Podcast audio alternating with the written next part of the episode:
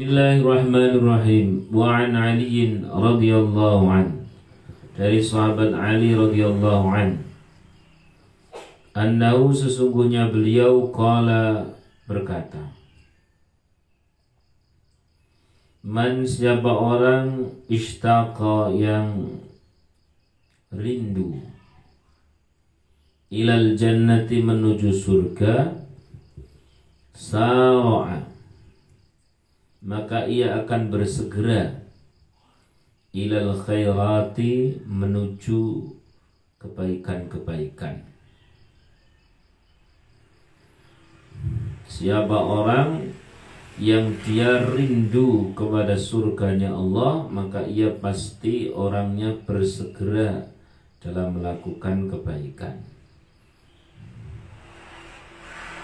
Nah, kalau tidak bersegera, sudah di track sama berulang kali tapi tidak segera datang.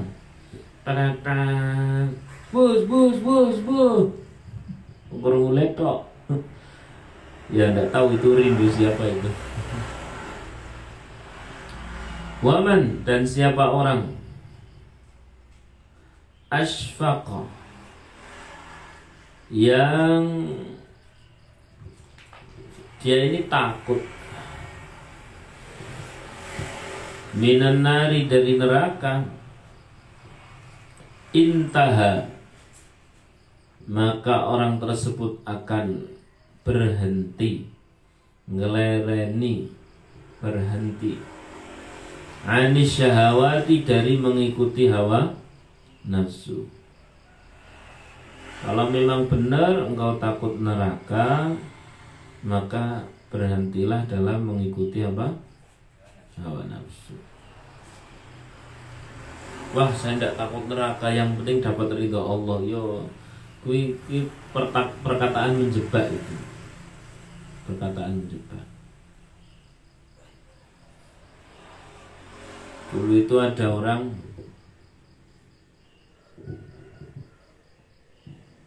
dia seorang ahli ibadah. Dititipi di rumahnya karena dia ahli ibadah dititipi sama temannya itu putrinya untuk dijaga karena sang ayah ini mau pergi nah, karena di rumah ada seorang wanita dalam waktu yang kurun lama begitu satu rumah lama-lama Witing Tresno jalaran saking kuliner. Akhirnya mau berbuat maksiat dua orang. Pas mau berbuat maksiat tiba-tiba ini si ahli ibadah berkata pada dirinya, Wahai diriku, kau bolehlah berbuat maksiat asal engkau sudah kebal dari api jangankan api neraka api dunia aja tak cicipi dia pas mau maksiat tangannya itu ditaruh di atas. Kalau dulu kan lampunya pakai apa? Obor. Bakar wah ternyata panas. Hai diriku. Kau menahan api dunia saja tak mampu. Apalah lagi menahan api neraka? Serasa maksiat. Melihat kondisi teatrikal seperti ini prianya seperti itu wanitanya gila. Nah, gitu. Akhirnya tidak jadi maksiat. Jadi rono roni nggak korek ke orang perlu tok. Kira-kira meh gue kayu maksiat opo ngentangan ini kira-kira wis ora krasa kono maksiat. Tenan icik krasa aja maksiat kan gitu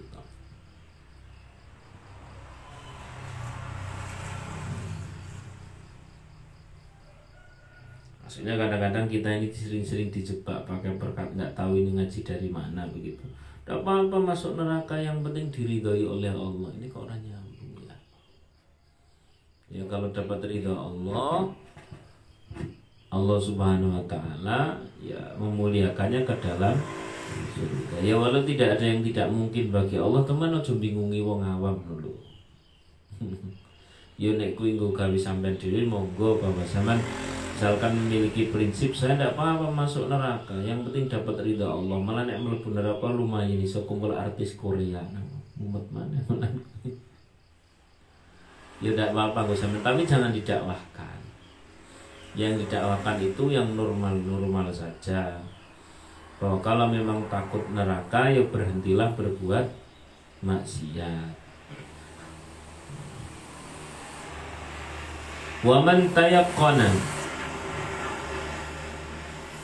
Waman dan siapa orang tayakkona yang dia ini yakin. Bil mauti. Bil mauti dengan kematian. In hadamat. Maka menjadi hancur. Alaihi bagiman Alladzatu. Al-ladzatu kenikmatan dunia. Siapa orang yang benar-benar meyakini apa? kematian, maka orang tersebut akan kehilangan nikmat dunia.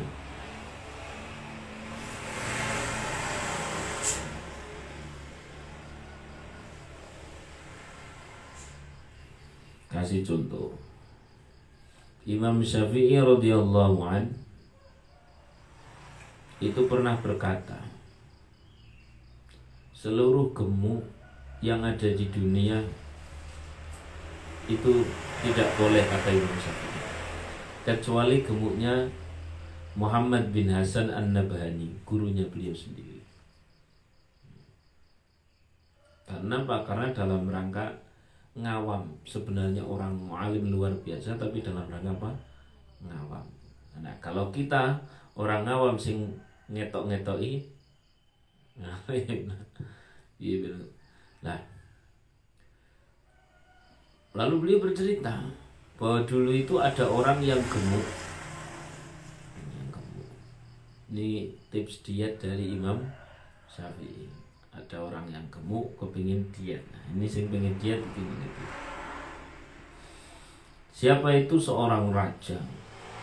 Raja itu pusing dengan badannya yang semakin melar piye caranya pen kuru. Ya caranya agar kurus.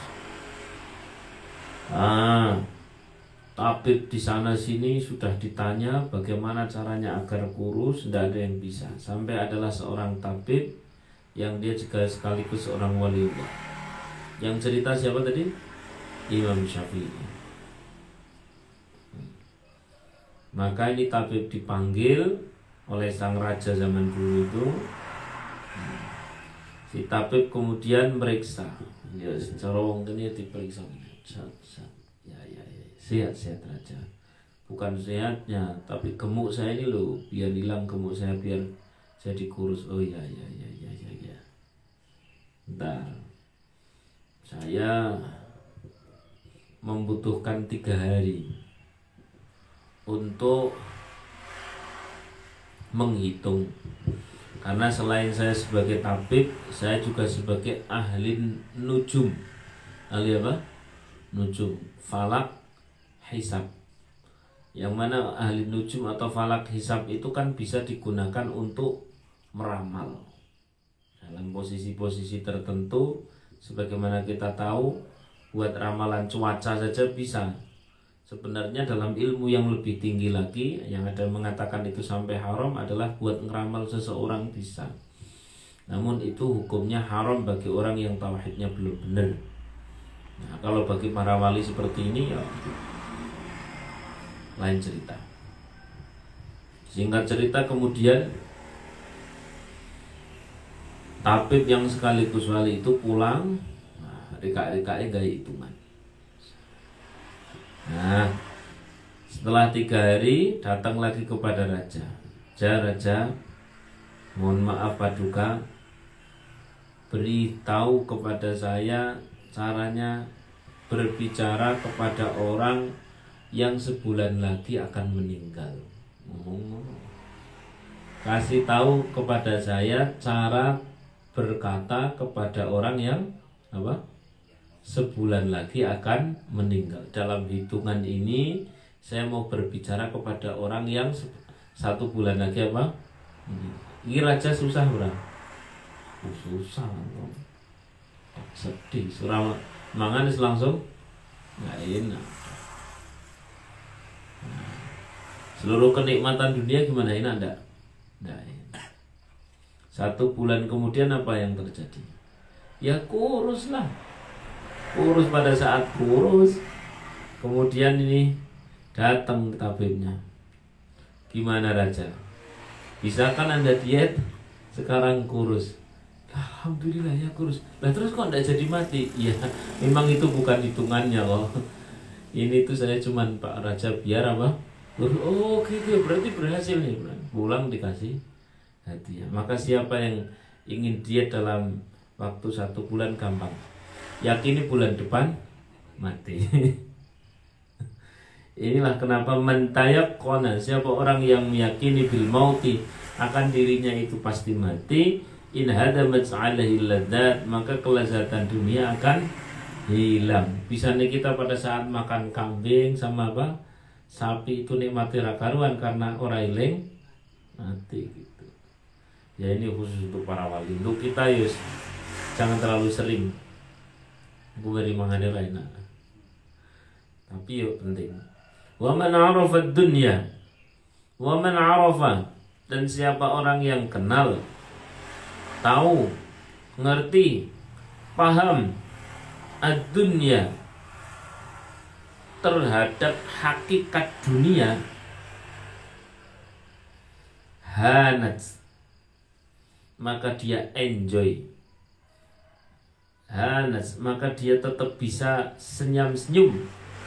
Kayak orang namanya Hanik itu kan artinya terhibur. Hanat. Maka dia terhibur. Hanas maka terhibur Hanas maka menghibur sorry sorry Hanas maka menghibur apa dunia alaihi kepada man. Maka dunia itu akan menghibur. Insya Allah mana ini kok kenang ini. Saya ulangi. Waman arafat dunia Siapa orang mengenali hakikat dunia Hanat alaihil musibah maka walaupun dia terkena musibah dia tetap terhibur. Gitu. Siapa orang mengenali hakikat dunia maka walau terkena musibah tetap apa? Terhibur. Kenapa? Lah ngapain? Apa yang disusahkan dari perkara dunia? Ono wong kok ijik doyan susah ketika orang duit duit jelas ini belum kenal dunia ada orang kok dikit-dikit sedih tentang perkara dunia, tentang musibah, tentang ini dan sebagainya dia belum kenal. Kalau orang benar kenal kenal tentang dunia bahwa ia hanya sementara, ya wis angkat tiga lewat. Bahwa ia itu musibah-musibah dunia itu hanya sangat sedikit, maka dia tidak akan gampang susah. Bila orang tersebut benar-benar kenal bahwa musibah dunia ini ternyata nggak ada apa-apanya. Ya orang pasti susah. Dia tetap hanat tetap apa? Enjoy. Saya ulang ya. Waman arafat dunia Siapa orang yang benar kenal dunia Bahwa ia hina Bahwa ia sedikit Bahwa ia sebentar Bahwa ia itu tidak ada apa-apanya hanat alaihil musibat maka ia tetap senang walaupun dalam kondisi terkena musibah Kenapa? Karena ada perkara yang lebih besar yang menjadi dominasi dalam pikirannya. Ada perkara yang lebih besar yang menjadi cita-citanya. Ada perkara lebih besar yang menjadi titik takutnya, yakni akhir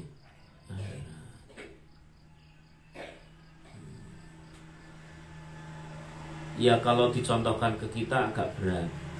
Tapi kalau dicontohkan ke ulama-ulama kita misalkan tidak usah sampai ke misalkan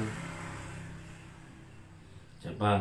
Sing dhuwur-dhuwur yo Jalaluddin Rumi ya itu. Itu saya Jalaluddin Rumi pada saat sakit mau meninggalnya kanan kiri pada menangis murid-muridnya menangis beliau malah tertawa. Lulu, kalian ngapain menangis nah, ini tuh bukan siksaan yang dunia ini justru saya akan ketemu zat yang selama ini saya rindukan. Kenapa ngapain susah? Kurang lebih begitu. Ya kalau ulama-ulama kita ya paling yang pernah saya lihat pernah saya ke rumah sakit ke Pak Kiai begitu yang dulu tempat saya mondok itu tidak ada susah sama sekali tidak ada susah saya tanya sama punya jane pripun to gerai? Cari nih dokter. Loro nepal Uh, tapi kok guyang guyu kok misam misam karo dikiranya alhamdulillah loh. Alhamdulillah alhamdulillah alhamdulillah dalam kondisi musibah semusibah itu bisa-bisanya dia apa? Alhamdulillah, kenapa? Kenal banget? Hanat. Apalagi uh, seorang ulama yang bernama Abu Kilabah. Itu ulama yang sekaligus menangi sahabat sedikit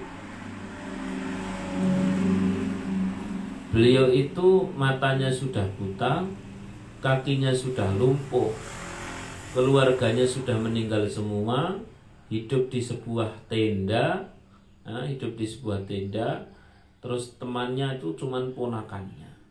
Lalu kemudian ponakan itu pergi, lalu ada seorang pria lewat tenda tersebut, Assalamualaikum, Waalaikumsalam.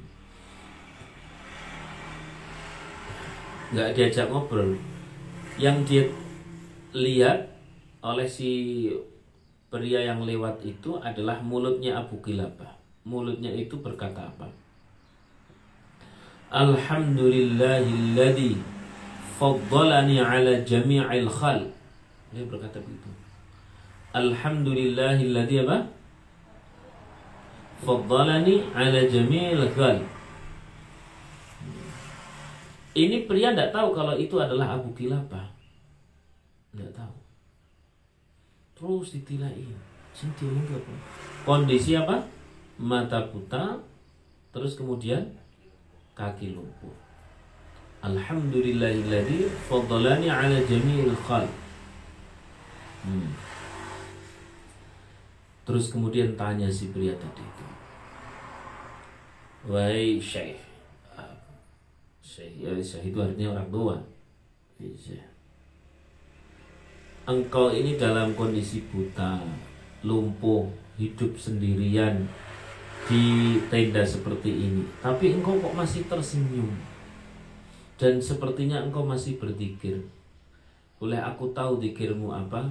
Zikirku adalah yang engkau dengar. Jelas kan didengar kan rotok seru.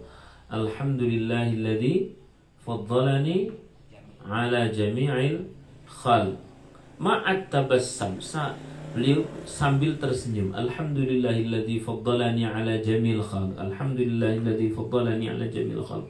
Artinya tahu Zan? Mantap.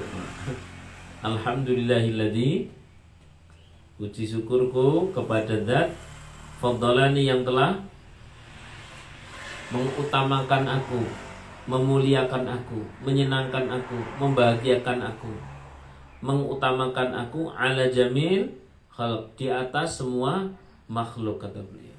Oh, syukur syukur Kita paling alhamdulillah. Ini alhamdulillahilladzi ya Allah aku bersyukur kepada engkau. Engkau telah memuliakanku. Engkau telah mengutamakan aku lebih dari semua makhluk. Karena aneh tuh nah memang engkau itu lebih utama apa? Kenapa engkau merasa engkau lebih diutamakan dibahagiakan oleh Allah? Kau merasakan bahwa Allah Subhanahu wa taala itu baik kepadamu. Beliau menjawab, bagaimana Allah tidak baik? Walau Allah mengambil kakiku, walau Allah mengambil mataku, tapi Allah tidak mengambil zikirku. Bukankah itu langka? Bukankah itu apa? Langka. Ma'at tabassam. Sartani melihatkan biwajhin dalam kitab yang saya baca Hakai Sufya itu biwajhin malihin apa wajhin malihin muka yang cair, malih. Majin malih. Padahal kondisinya apa? Buta, lumpuh sendiri. Wajahnya cerah, tersenyum sambil mengatakan alhamdulillah. Maka benar kata Gus aku keketok uh, susah sidik tok langsung istighfar ya. cara cara Gus aku ketok susah sidik tok langsung istighfar. Lah piye? Enggak ada istighfar. Allah wis ngai pola kae kok itu. Gus Gus dia ngai Kanjeng Nabi Muhammad tok lho kudune kita bergembira. Fa bidzalika falyafrahu bergembira. Lo perintah kon bergembira kok Dewi Zuhra kok nyinggung sing itu. Saya pas ngaji di rumah beliau, beliau sering mengulang kata-kata itu sampai misalnya jam dikasih apa nasi bungkus gitu nasi bungkus di sini sing favorit ya sing enak. Lah kira-kira terus kemudian sampai merengut. Ingin nyek sing ibra hari sampai hari ini Allah sudah ngasih kita apa?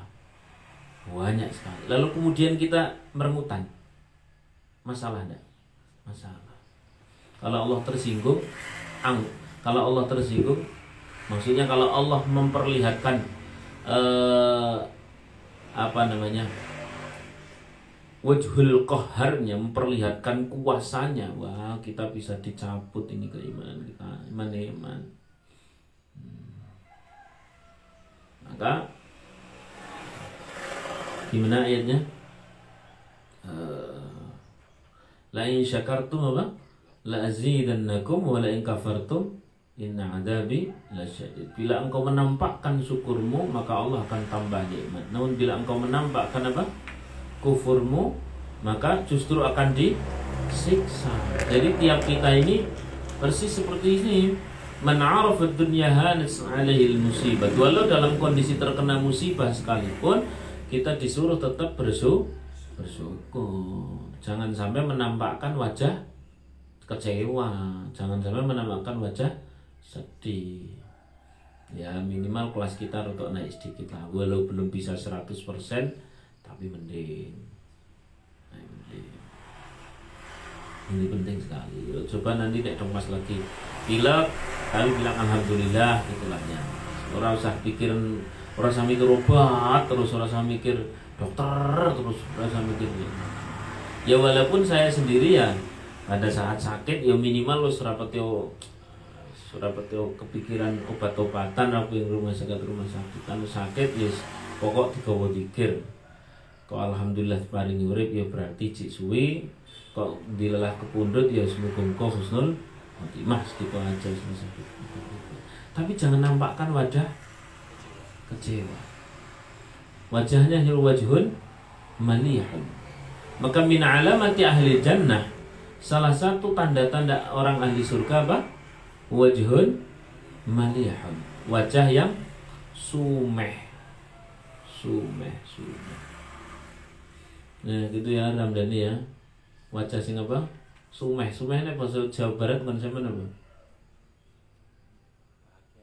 ya apa bahasa? Sundani Sundani.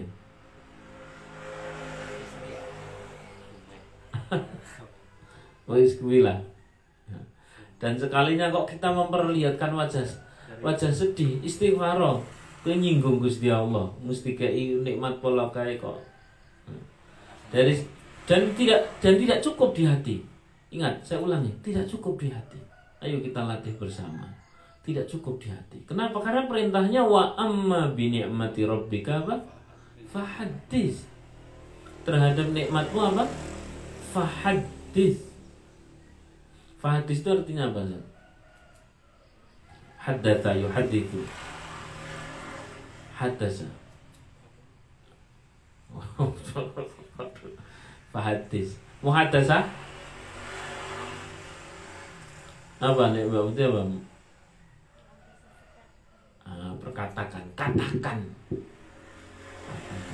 Wa amma bi ni'mati rabbika fahadis dan adapun terhadap nikmat pemberian Allah fahadis ungkapkan katakan nampakkan. Tidak cukup di hati tidak cukup di hati oh masa mau ketok ketok kini wong seneng oh ya wis susah itu namanya orang kecil kecil jangan tampakkan wajah kecil dalam satu makalah disebutkan demikian wastur huznuka fi qalbi simpan sedihmu cukup di dalam hati washhur tampakkan. Ya. Syukruka fi wajhik. Syukurmu di dalam apa? Wajah. Ini butuh dilatih mas. Benar butuh dilatih. Nah mis ya. Pada intinya adalah jangan sampai kita nyinggung Gusti Allah dengan cara memperlihatkan wajah apa? Kecewa. Kok Gusti Allah ora pas dan sebagainya menampakkan aja jangan. Apalagi sampai mengatakan. Ya oleh karena itu harus bicara ini pensumeh dan dibuat.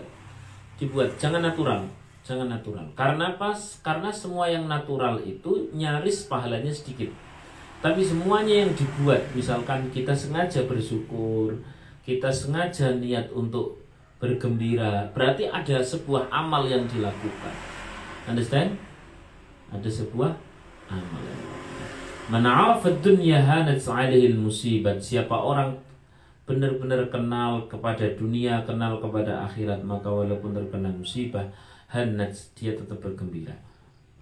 Wa Nabi sallallahu alaihi wasallam annahu dari Nabi Muhammad sallallahu alaihi wasallam beliau bersabda, "As-salatu imaduddin." Salat itu tiangnya agama.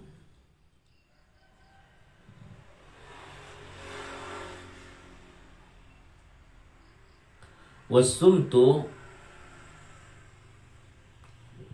diam. Ayani syarri dari perkara-perkara yang buruk iku afdalu lebih utama. Nah kalau ada sing buruk-buruk sing jelek-jelek sing apa apalagi aib orang lain itu lebih baik apa? Diam. Wasadaqatu sedekah tutfi'u dapat menangkis.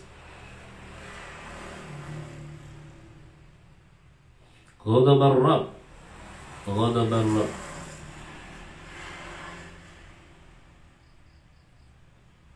Ghadabar Rabb. Uh, murkanya Allah. Wasumtu sedangkan diam afdalu lebih utama. Di sini disarahkan. Wasumtu Adapun diam ya anisyari dari perkara-perkara yang buruk. Misalkan ini, sampai sodako. Satu ketika kok biasanya kan uang sodako terus kemudian lancar ini gimana ya? Satu ketika sampai sodako dia kok urung dikai lancar, orang saya cerita deh. Apa sodako apa? Wih aku tahu sodako kok orang balas secara gusti. Jangan jangan ceritakan. Kalau mau diceritakan kita harus membahasakan yang baik belum. Atau nanti akan ada yang lebih besar. Itu maksudnya. Sama dengan as-salatu imaduddin. Salat itu apa? Tiang agama. Wasumtu sedangkan diam dalam hal-hal yang sampai nurun pas dengan sholat afdol lebih utama. Kemudian demikian wasadaqah tu sodako ikutut fi'u dapat menangkis ghadabar rabbi ing murkane Gusti Allah. Wasumtu utawi diam terkait hal buruk masalah sodakoh afdol lebih utama. Jadi ono kecewa kecewa ini kon apa menang sodakoh kata orang sehat sehat padahal jari ini sodakoh apa? Dapat menyehatkan sum diamu. Kenapa? Kau pasti salah kalau sampai itu seperti itu.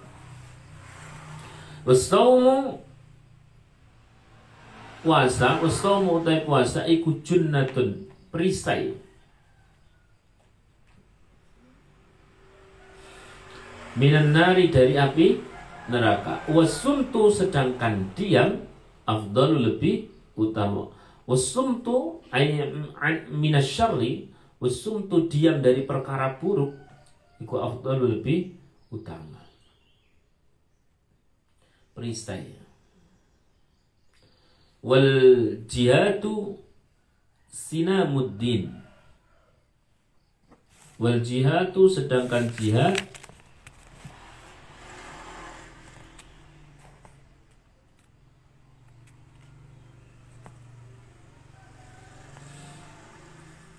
sinam. Sinam itu punuk untan punuk. Maksudnya adalah sesuatu yang dominan. Ketok. Mencolok. Apalagi? Ya dominan. Ya. Sesuatu yang nampak atau wal jihadu utawi jihad iku sinamuddin. Bagaikan sesuatu yang nampak bukan bagaikan sesuatu yang nampak dalam agama Jihad itu rakutu perang, jihad itu perang yang nyata adalah melawan hawa nafsu. Jihadun nafs. Wasumtu afdal. Diam itu lebih utama. Maksudnya ini. Ya, jenengan itu wong api. Iku kadang-kadang ngecok saya. Bener bener. Gitu. Ya, hari sama dadi wong api. Yo mondo paham ora paham pokok toko ngaji. Nah, dadi wong api ini kadang-kadang bosen ora bosen nah aja diceritake diam ora usah. Ojo leren dadi wong api setiap ada jihad jihad nafsi yang menuju kita pada menjadi orang baik tidak mau korupsi, tidak mau ngapusi, tidak mau apa ngerasani dan sebagainya. Itu ada jenuhnya ndak? Ada. Ada capeknya ndak? Ada. Kadang-kadang kaya bosen dadi wong bosen jajal maksiat kan gitu tuh kata nah, begitu pas jajal maksiat dilalap pas mati jangan makanya nah setiap perkara buruk atau sisi-sisi sisi-sisi yang negatif. Negatif ini adalah negatif dalam dalam pandangan makhluk ya. Dari jihadun nafsi kita disuruh apa? Diam. Ya berapa baik kadang-kadang yo pengen sing sing rapi kan? Karena pengen dong. Api terus rasanya bi pesannya Masa Subuh Jamaah. Duhur Jamaah. Asar. Jamaah. Maghrib. Jamaah mana? Isa Jamaah mana? Kurung subuh Kugah mana? Wah posen Kayak posen-posen atau Lah itu namanya kita kan sedang jihad nafsi. Jihad nafsi. Melawan hawa nafsu itu pasti ada jenuhnya. Lah setiap kejenuhan setiap hal-hal buruk sisi-sisi yang tidak baik dari melawan hawa nafsu itu asumtu afdol. Diam lebih utama. Jangan diceritakan malah gue update status. Ternyata sekian lama saya sudah tobat sekian lama saya sudah hijrah tidak ada apa-apanya. Kau tiru. Ya teman Qila dikatakan Auhallahu. Ya sudah sedikit lagi. Sudah ada jam 6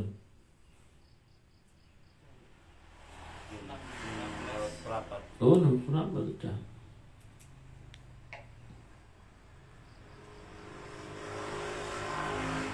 Dah besok lagi. Al-Fatihah. Billahi minasyaitonir rajim Bismillahirrahmanirrahim. Alhamdulillahirabbil إياك نعبد وإياك نستعين من الصراط المستقيم صراط الذين أنعمت عليهم مولاي صل وسلم دائما أبدا على حبيبك خير. في كلهم هو الحبيب الذي ترجى شفاعته لكل هول من ولمقتحم يا ربي بالمصطفى سيدنا واغفر لنا ما مضى يا واسع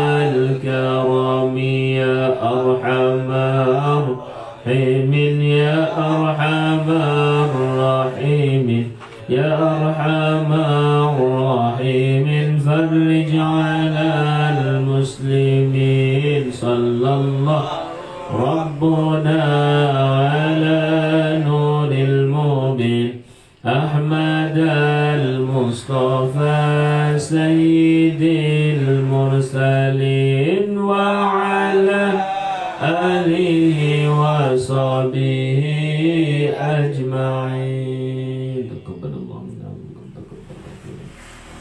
一緒なんですよ。